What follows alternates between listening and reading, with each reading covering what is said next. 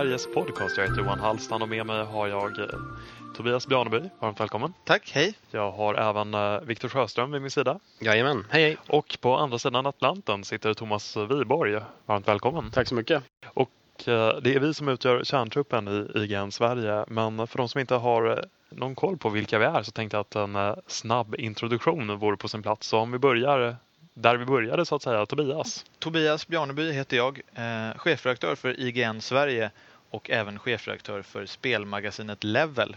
Eh, jag ehm, har skrivit om spel i ganska exakt 20 år, firar 20 år som speljournalist precis här och nu kan man säga. Ehm, funderar lite över när jag ska äta tårta, vilken dag eh, eftersom jag började skriva mina texter i januari 1992 och ehm, fick de publicerade i april 1992 eftersom vi på den tiden körde tre månaders pressläggning. Eh, det var en eh, lagom nivå att lägga sig på tyckte Nintendo-magasinet. Eh, man skrev en text så här års och så kom den ut kring när sommarlovet började i juni.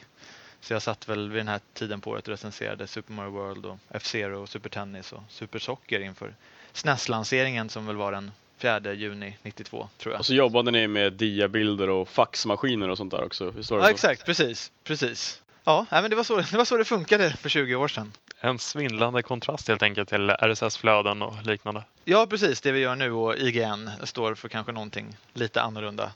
Eh, man skriver någonting och trycker på en knapp och så publiceras det för hela världen. Men då väntade vi tre månader först och körde lite så diabilder som skickades med båt till Thailand eh, vidare eh, någon annanstans till tryckeri i ja, någon annan del av världen och sen tillbaka med båt till Sverige och ut i butikerna. Så, där. så ja, det var tider det. Ja. Viktor? Ja, eh, jag, eh, jag är väl inte riktigt lika gammal i spelet men jag är inne på mitt tolfte år i alla fall i speltidningsbranschen.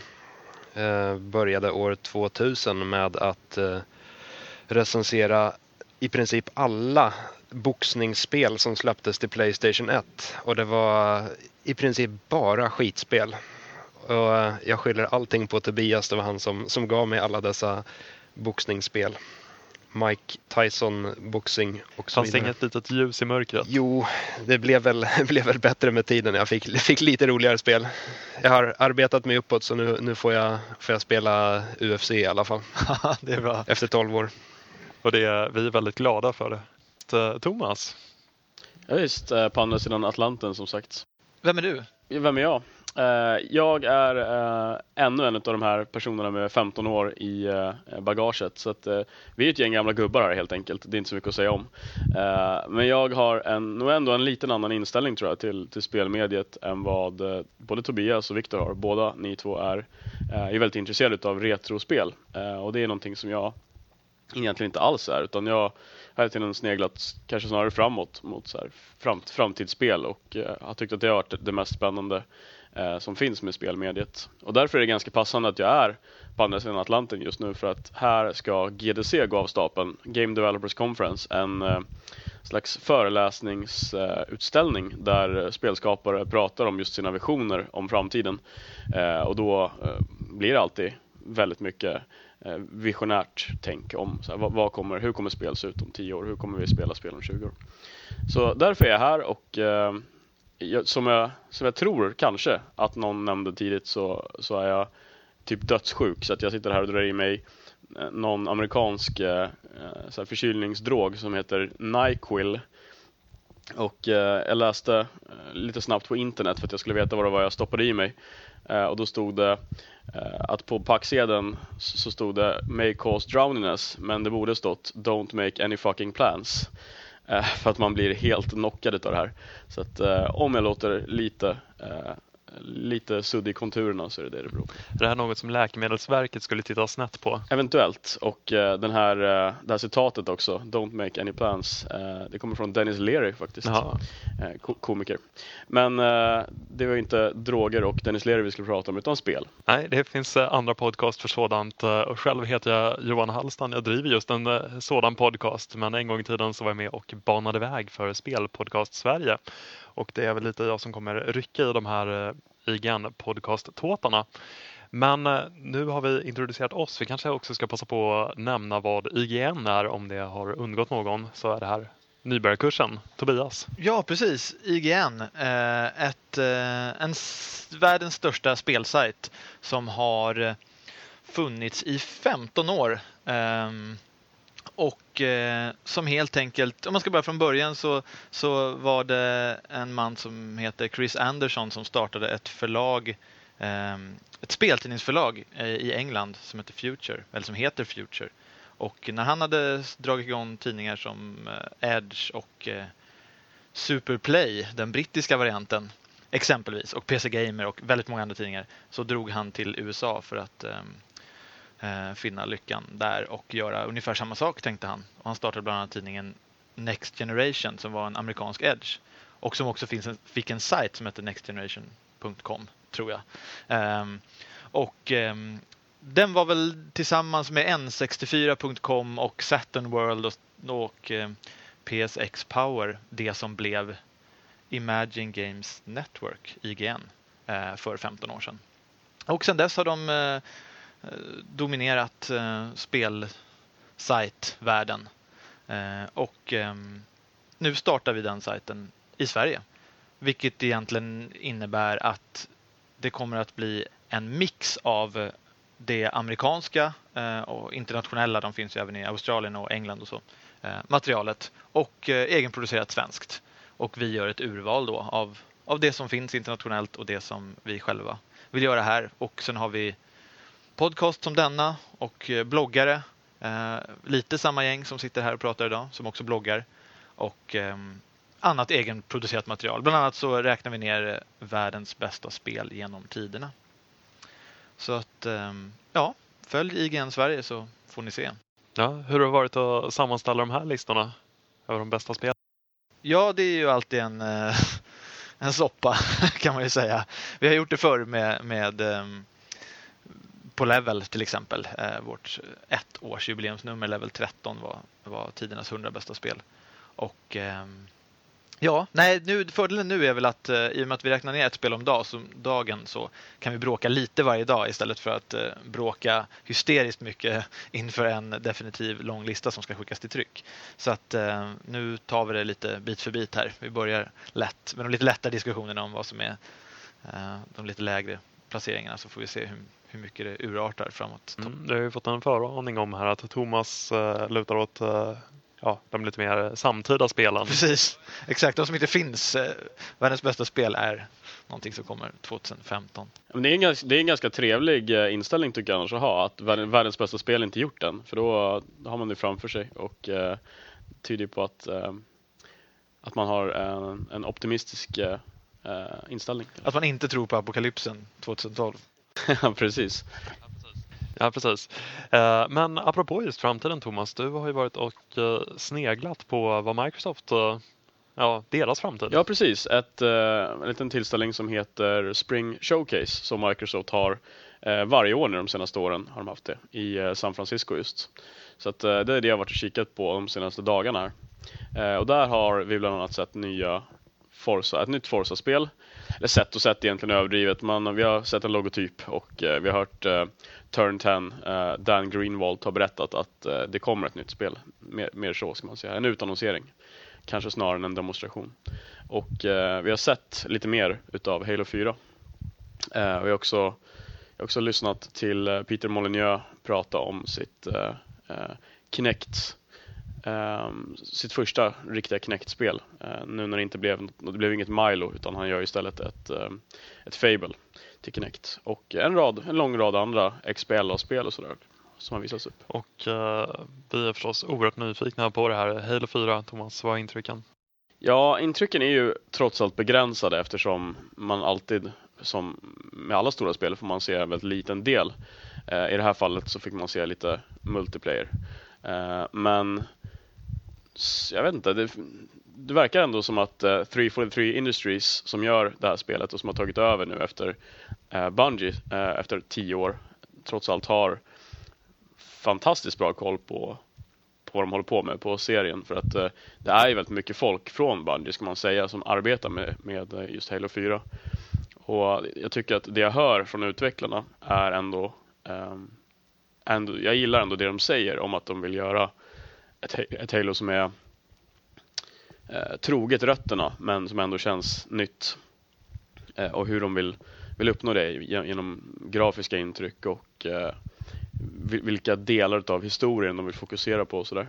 Så jag tycker att det som det första vi hör nu från 343 Industries, för övrigt eh, spelvärldens kanske mest tungvrickande namn. Eh, det låter bra. Är det här någonting, eh, ja, det är förstås svårt att eh, döma utifrån eh, multiplayer-presentation, men eh, är det något av det här du tycker jag har sett i, i multiplayern?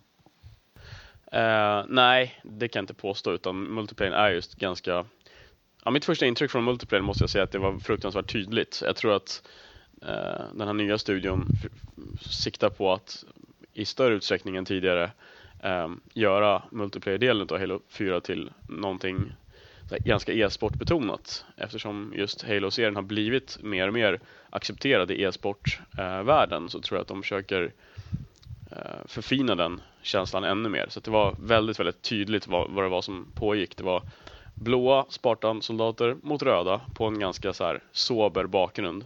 Så att fruktansvärt, det såg nästan ut som en paintball-match. Man visste liksom exakt vilka motståndarlaget var hela tiden. Um, så det var mitt första intryck av just multiplayer-delen i Halo 4. Men jag är nyfiken på vad ni har sett också på andra sidan Atlanten, så där på avstånd. Vad är det som har läckt ut? Vad är det som har väckt störst uppmärksamhet på nätet ifrån eh, eh, den här Spring Showcase-tillställningen? Ja, om man ska gå på rena läckor så är det väl något slags eh, uh, Fable partyspel som har dykt upp. Är det något du kan relatera till?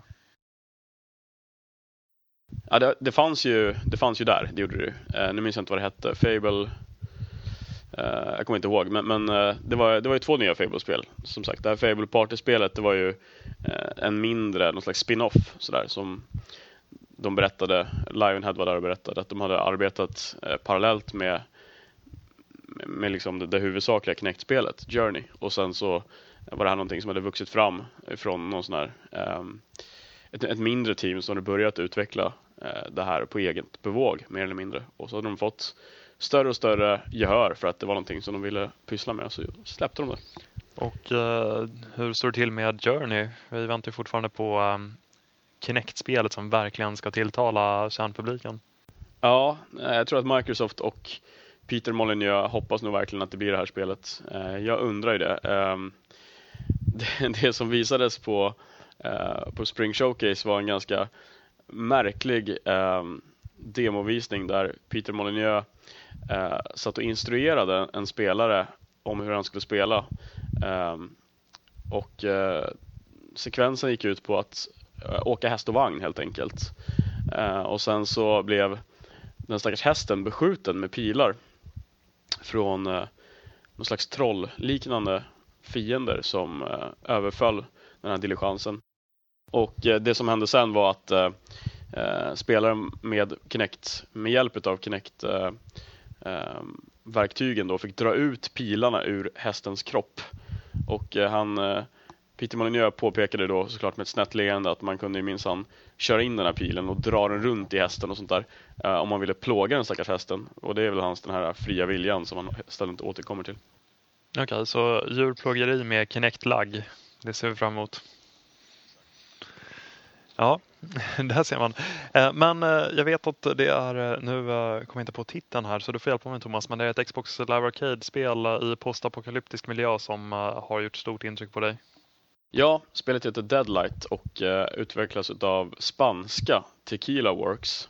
Spanien är ju inget sådär, inget spelland som man normalt sett kanske eh, tänker på som, som ett, en, stor, en stor producent av kvalitet. Jag vet inte om jag kan eller talat erinra mig något spanskt spel som jag spelat överhuvudtaget. Jag vet att du har något uh, som du brukar återkomma till. Det är väl Castlevania det, det senaste som gjordes i samarbete lite under ledning av Hideo Kojima, eller hur mycket han nu var inblandad, men, men det gjordes ju i Spanien, det nya, det nya Castlevania. Eh, ja, men det här är hur som helst ett spel som har utvecklats av sådär 20 spanjorer så vitt jag förstår och en svensk eh, fick jag höra. Så det är lite spännande. Eh, men ett, ett fruktansvärt så innovativt spel kändes det ändå som. En slags blandning mellan Walking Dead och Limbo. Så att de, de referenserna kom liksom från två helt vitt skilda håll. Men det är alltså ett eh, tvådimensionellt spel, eller i alla fall till perspektivet va? Det är helt tvådimensionellt på alla sätt. Eh, är, det, är det lite metroidvania stuk över det eller? Hur, Ja, hur känns spelet? Eh, Det kan man nog säga. Och eh, jag spelade hela den bit som fanns att spela och det känns väldigt eh, eh, lättillgängligt som tvådimensionella spel ofta gör. Eh, men, men det kändes ändå också som att det fanns eh, ett djup där i, och då i att eh, jag tror att Tequila Works kommer att överraska spelaren på, på en massa sätt. Ungefär som Limbo gjorde. Just att man aldrig visste vad som väntade på nästa skärm. Eh, och det är en känsla tycker jag som lite grann har gått förlorad i moderna spel. Eh, ett- det är väldigt sällan jag känner samma sak i ett Call of Duty eller ens ett Halo. Just att så här, jag verkligen inte har någon aning om vad som väntar. Men så känner jag änd- ändå här. Var det något annat, eh, ja, kanske lite mindre spel som eh, gjorde intryck på dig? Eh, det var nog ändå Deadlight som var det där mindre spelet. Eh, sen så fanns det ju eh, Eh, också ett eh, South Park-spel som skulle släppas till XBLA, men det var så litet så att det var nästan inget spel. Alltså eh, någon slags eh, Smash Bros-influerat eh, så här, samlarspel. Men jag tyckte ärligt talat att det var det blir säkert kul och liksom säkert roligt på flera personer och så vidare, men framförallt så, så tyckte jag nog att Deadlight, eh, Halo 4 och eh, eh, ändå Fable för att det är en, en, som, det är så påkostad och det är en sån ambitiös titel. Så det var nog ändå höjdpunkterna på eh, Microsofts eh, Spring Showcase. Anledningen att du inte ligger i sjuksängen här hemma i Sverige det är Game Developers Conference som eh, går av stapeln den här veckan. Ja, Eh, precis. Eh, vad förväntar du dig där? Ja, en massa föreläsningar som är intressanta. Och när vi går på, när jag går på uh, Game Developers Conference så är det ofta med, eh, med just föreställningen om att vi kommer att kunna använda de här föreläsningarna under kanske ett år framöver i, i, eh, när vi gör eh, tidningen Level och säkert i, i IGN, eh, IGN-material också. Um, så att vi, vi lyssnar på vad spelskaparna har att säga och sen så när vi behöver material och vi behöver ett, ett citat om någonting så har vi ofta svaret på en föreläsning om det. Så det är hur mycket värt som helst för en, en spelkritiker. Är det några särskilda föreläsningar i år du ser fram emot förutom de här pliktskyldiga? Ja, det är mycket AI i år, vilket eh, för mig då som framtids, eh, självutnämnd framtidsman eh, är, är fruktansvärt intressant såklart.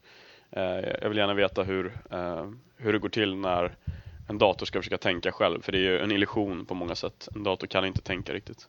Men, men det är någonting som många människor jobbar mot, eh, en framtid där en dator faktiskt kan fatta intelligenta beslut och, och på, som inte bara är ett, så här, ett antingen eller eh, scenario. Och det är, ska bli jättekul att höra mycket mer om vad de, de, liksom, de skarpaste hjärnorna i världen har att säga om det just nu. Eh, men det är ju inte bara framtiden som man sätter fokus på. Tobias och Viktor som eh, retromän, vad ser ni fram emot att höra? Ja, det, förra året på GDC drog de igång en, en ny serie föreläsningar kan man säga om eh, riktiga gamla klassiker. Ehm, och då var det en väldigt imponerande line-up eh, av klassiska spel från Pac-Man till Another World till Ja, det var, det var, det var verkligen sådana där liksom, de spelen som man, som man eh, ville höra historierna bakom. Eller i många fall i och för sig har hört historierna bakom. Men, men eh, i år är det väl lite mer, de har samma koncept men, och där finns Alone in the Dark, Harvest Moon och eh, ett par titlar till. Det känns, inte som att, det känns som att de brände av så otroligt mycket förra året att, att det blev nog svårt att följa upp det där. De gör sitt bästa men, men så det är väl sådär, de känns väl ganska kul att lyssna på men kanske inte, kanske inte i nivå med, med Det förra finns året. väl ett, ett stort namn i alla fall och det är Will Wright. Eller hur? Kanske inte i föreläsningssammanhang men eh, Thomas ska väl träffa honom. Om allt på vägen så ska jag träffa Will Wright och vi ska ha ett långt samtal om eh, allt som han har gjort eh, genom åren. Och det är ju fruktansvärt mycket det. Eh, om du som är, du som är retro, retrospel personifierad kan jag ju berätta helt kort för eventuella nytillkomna lyssnare. Vem är Will Wright? Vem är denna man? Eh, kort, kortfattat är, är han SimCity. Eh, Han är sim, sim Vilket- kan man säga. Allt sim. Ja, jo. Han är en sim, hela han. Eh, och har ju därför haft enorm betydelse för, för den, den subgenren. Mm. Kan man sammanfatta det med. Jag vill bara snabbt nämna också att eh, det är Fallout och Gauntlet, Just det, som är de Som- andra. andra spelen. Precis, de fyra. Och- är. Av de här fyra så är jag faktiskt mest nyfiken på Alone in the Dark som jag spelade när det begav sig och blev eh, ja, måttligt rädd av eh, extremt eh, polygonfattiga zombies. Ja, och Det var man, får, princip bara trekanter som eh, hasade mot den. och man får väl säga också att det har varit ur ett eh, historiskt perspektiv väldigt inflytelserikt. Alltså allt från Capcoms Resident Evil-team till eh, Squares eh, Final Fantasy 7-team eh, har ju varit kraftigt influerade av det spelet när de började skapa sina första 3D-spel och funderade på hur det skulle funka överhuvudtaget att skapa världar i 3D och karaktärer och hur de skulle interagera med varandra och sådär. Så att oavsett vad man tycker om, om spelet idag så får man ju säga att det är ett, ett väldigt viktigt spel eh, spelhistoriskt och därför kul att höra hur de, hur de kom på de här ursprungliga, ursprungliga idéerna som, som sen många av de riktigt stora tunga namnen lånade rakt av. En, en, ett annat spel som har lånat väldigt mycket från Alone in the Dark som är aktuellt nu, det är ju Alan Wake med sin ficklampa. Eh, det är också någonting som, där man ser tydliga influenser från Alone in the Dark. Det är ju aktuellt just nu med eh, American Nightmare då som är en, en, ett tillägg till det spelet. Ja, och det tillägget var väl lite sisådär tyvärr, men så kan det vara ibland. Ja, men eh, lik förbannat då. Som sagt, Al- Alone in the Dark då med sin ficklampa och eh, Alan Wake, det kunde inte vara tydligare var det kommer ifrån. Viktor, Johan, ja, här passar jag på att uh, snabbsåga Alone in the Dark. Vad har du spelat den senaste tiden? den senaste tiden Eller Alone in the Dark, förlåt, Alan Wake var det förstås. Ja, eh, senaste tiden har jag spelat igenom Asuras Wrath. Eh, vilket är märklig blandning mellan spel och eh, anime-serie, skulle man kunna säga. Eh, det är alltså extremt eh, uppdelat i episoder. Varje bana är utformad som, som ett avsnitt av en av en så här tecknad serie av modell eh, Dragon Ball eller eh, Fist of the North Star. Och sen är det egentligen ett ganska pissigt spel. Eh, det är väldigt mycket quick time events eh, och uppblandat med lite så här res gamla Playstation 2-spelet och något av det sämsta i Devil May Cry-väg jag någonsin har varit med om. Men eh, bara det här sättet som de har som, som de bygger upp storyn på och själva tempot i storyn gör det väldigt intressant. Eh, för det är, det är ett team som tidigare har gjort massor med eh, Dragon Ball och Naruto-spel så de, de är ju helt frälsta i eh, anime. Och nu har de försökt skapa en, en någorlunda interaktiv anime och det, det är intressant. Inte jättebra spel men, men kul produkt. Och en väldigt, väldigt arg huvudperson. Han är som, som Kratos fast mycket surare.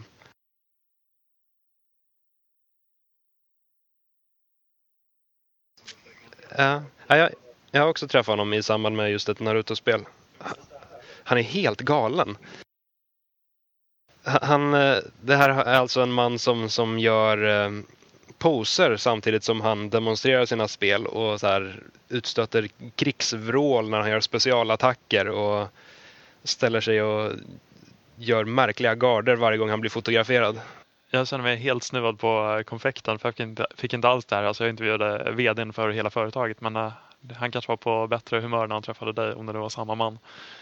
Men eh, då menade han att uh, Raft är något slags anger management-verktyg. Att det är här liksom, man ska få utlopp för sina, sina inre frustration. Är det, märker du av det här? Du är ju en jujutsu-man. Så du kanske får utlopp på eh, mattan istället. Uh, istället för att, för att spela Azura's Wrath.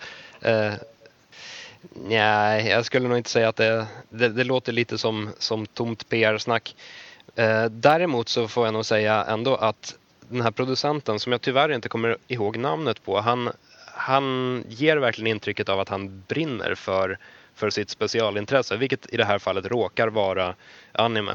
Han påminner på så sätt lite om eh, Ken Rolston, alltså mannen bakom, eller en av männen bakom Kingdom of, uh, Kingdoms of Amalur, det här senaste rollspelet som dök upp.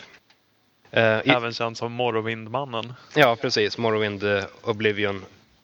Pysslar även med Drakar och Demoner och någon Warhammer spin-off någon gång i tiden. Eh, Drakar och Demoner, Dungeons and Dragons naturligtvis. Eh, I alla fall, Ken Rolston verkar verkligen brinna för rollspel och den här eh, Azuras Wrath-mannen brinner verkligen för anime. Så ja, de har tagit sina, sina intressen till, till extremer. N när jag lyssnar på det här eh, om personer som står och gör poser när de demonstrerar sina spel och så vidare så kommer jag att tänka på något som jag faktiskt också såg på Spring Showcase men glömde att nämna. Nämligen det helt nya Steel Battalion-spelet som kommer till eh, Xbox och Kinect. Eh, där eh, utvecklarna stod poserade i såna här helkroppsoveraller eh, med, med så stora glasögon som de har satt på pannan eh, och militärkängor och hela, hela uppsättningen helt enkelt. Det var en väldigt lustig, eh, lustigt stilgrepp i en övrigt ganska sober miljö där folk stod i liksom, slacks och eh, spel-t-shirt vilket är någon slags uniform här i på En extremt lustig produkt också, nya Stilbataljen. Ja, verkligen. Eh, det, för de som inte känner till Steel Battalion som tidigare så var ju originalspelet ett eh, mer utav en kontroll än vad det var ett spel. Det var bara liksom en, en stor bit hårdvara som vägdes i sådär 20 kilo som man skulle sitta och trycka en massa knappar på. 46 knappar och pedaler och eh, switchar. Ja, precis. Som nu, lyser. nu har man tagit bort alla knappar då eh, till förmån för Kinect-kontroll där man istället ska sitta och trycka på virtuella knappar och dra i reglage och, och sådär. Ja, det, det, är en resa. Det, det jag älskade med originalkontrollen det var att det fanns en knapp för eh, självförstörelse. Då har man verkligen täckt in allting. Ja, precis. Den, den var också så här dold under någon slags eh, eh glas... Eh, skydd som man skulle, ja, precis, man skulle ja, öppna, öppna den och sen skulle man trycka på knappen. Det var ju, jag vet inte, jag tryckte på den hur många gånger som helst för att det var så roligt att trycka på den. Eh, så det, den var kanske lite väl eh, attraktiv. Ja, det, det är väl inte riktigt scenen utvecklarna hade tänkt sig. De vill ju att svetten ska lacka så det är sista utvägen men ändå jättelyckligt att hålla på och trycka ja, men Stora röda knappar, man kan ju inte låta bli dem. Det finns till och med en grej på internet liksom där, där de eh, alltså spam-människor eh, gör liksom pop-ups med en stor röd knapp där det står tryck inte på den här knappen. Bara för att de vet att folk kommer vilja trycka på knappen oavsett vad som händer. Eh, så det är, det är kanske mest effektfulla tricket de har i sin arm. Ja. Men det är en ganska smart knapp ändå, eller smart sätt de, de implementerade det i Steel Battalion. För knappen sprängde ju, eller den, den rättare sagt ejectade en från roboten. Så man förlorade sin robot men man överlevde och hann man inte trycka på den här knappen i tid så suddade spelet helt enkelt ut sparfilen. Så fick man eh, börja om från början var man än var.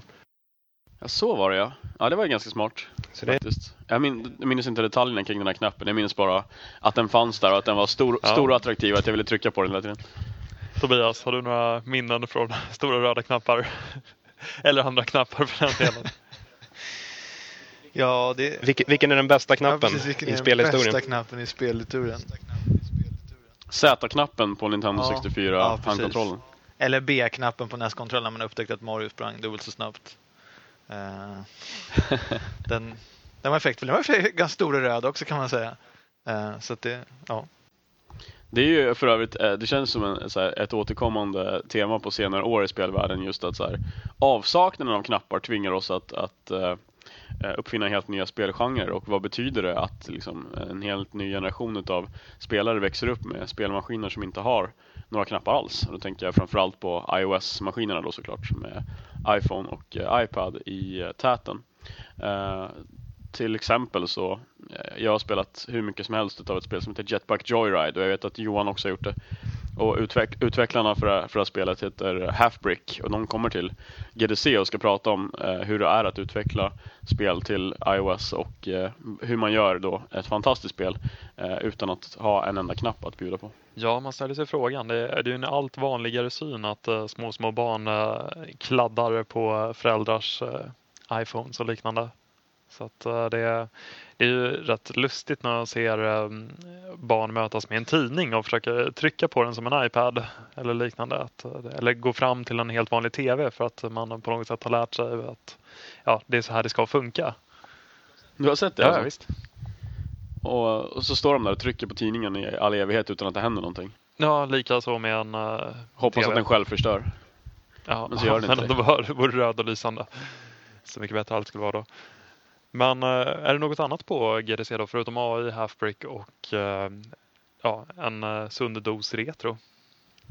Nej, det är väl framförallt eh, de grejerna. Jag kommer lyssna på en hel del eh, föreläsningar utav eh, Naughty Dog också. Eh, just bara för att de är alltid underhållande att lyssna på och sen har de råkat knåpa ihop ett utav mina allra, för, eh, allra ett, ett av mina favoritspel helt enkelt. Uh, Uncharted. Uh, framförallt två, det är nog min favorit i, i den serien.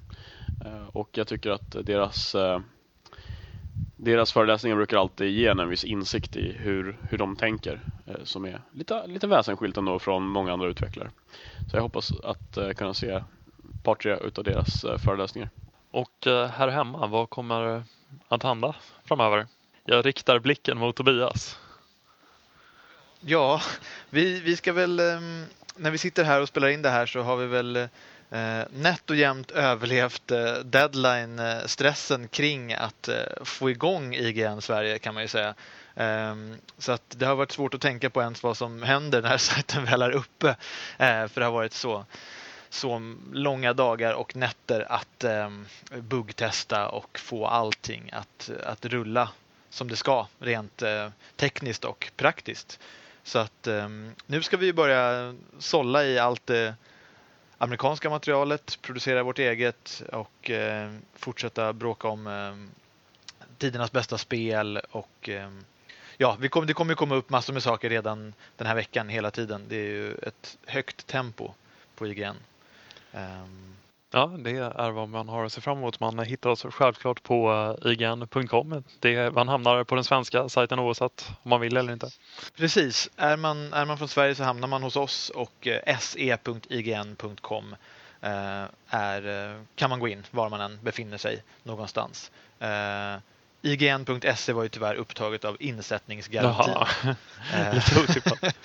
Upptäckte vi tidigt i det här arbetet insättningsgarantin blir inte ens IGN rakt av. Det blir väl ja. IG eller något. Eller så skulle det... Ja, oerhört frustrerande att de har plockat den och inte tänker...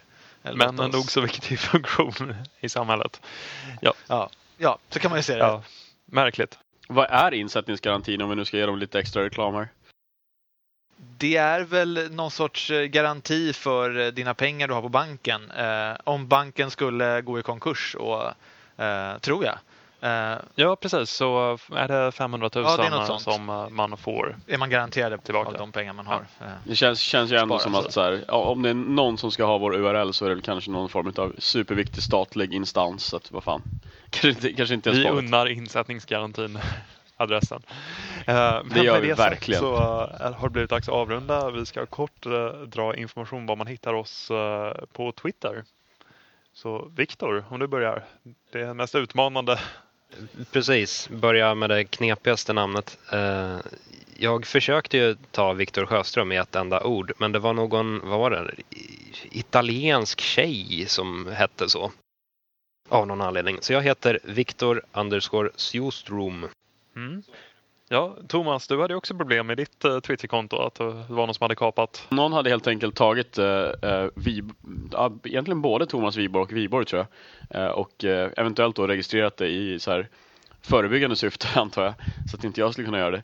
Men jag lyckades e-maila Twitter och jag fick så här scanna in och faxa bilder på mitt pass och verifiera att jag verkligen var jag. Och efter många om och men så fick jag min identitet tillbaka. Så nu hittar ni mig på Twitter eh, under namnet Thomas Viborg som ett ord. Alltså eh, Thomas med TH, Viborg med H på slutet. Mm. Tobias, har du några liknande historier? Ja, precis. Alltså, jag har ju inte Tobias Bjarneby av, av samma skäl, men, men jag, jag gick ju aldrig så här långt som Thomas. Jag, jag skulle bara gå in på det Twitterkontot och då stod det bara att det här kontot är stängt på grund av suspekta aktiviteter. Eh, Tobias Bjarneby. Så då kände man att, ah, fascinerande, undrar vad som har hänt här tidigare innan jag, innan jag var här. Det har jag aldrig fått veta. Eh, så att Bjarneby heter jag kort och gott. Mm. Och jag kan kort konstatera att ingen vill ha mig, så mig hittar ni på Johan Hallstan. Och Eh, med det sagt så är det väl tänkt att den här podcasten kommer dyka upp på veckobasis. Eh, exakt dag och tid är inte riktigt spikad ännu men håll utkik. Vi kommer garanterat gå ut med det både på sajten och i våra Twitterflöden. Den eh, yes. kommer väl även framöver förhoppningsvis att vara lite mer strukturerad och fokuserad. Men exakt hur det artar sig återstår att se. Så med det sagt så tack så jättemycket för att ni har lyssnat så hörs vi om en vecka eller så.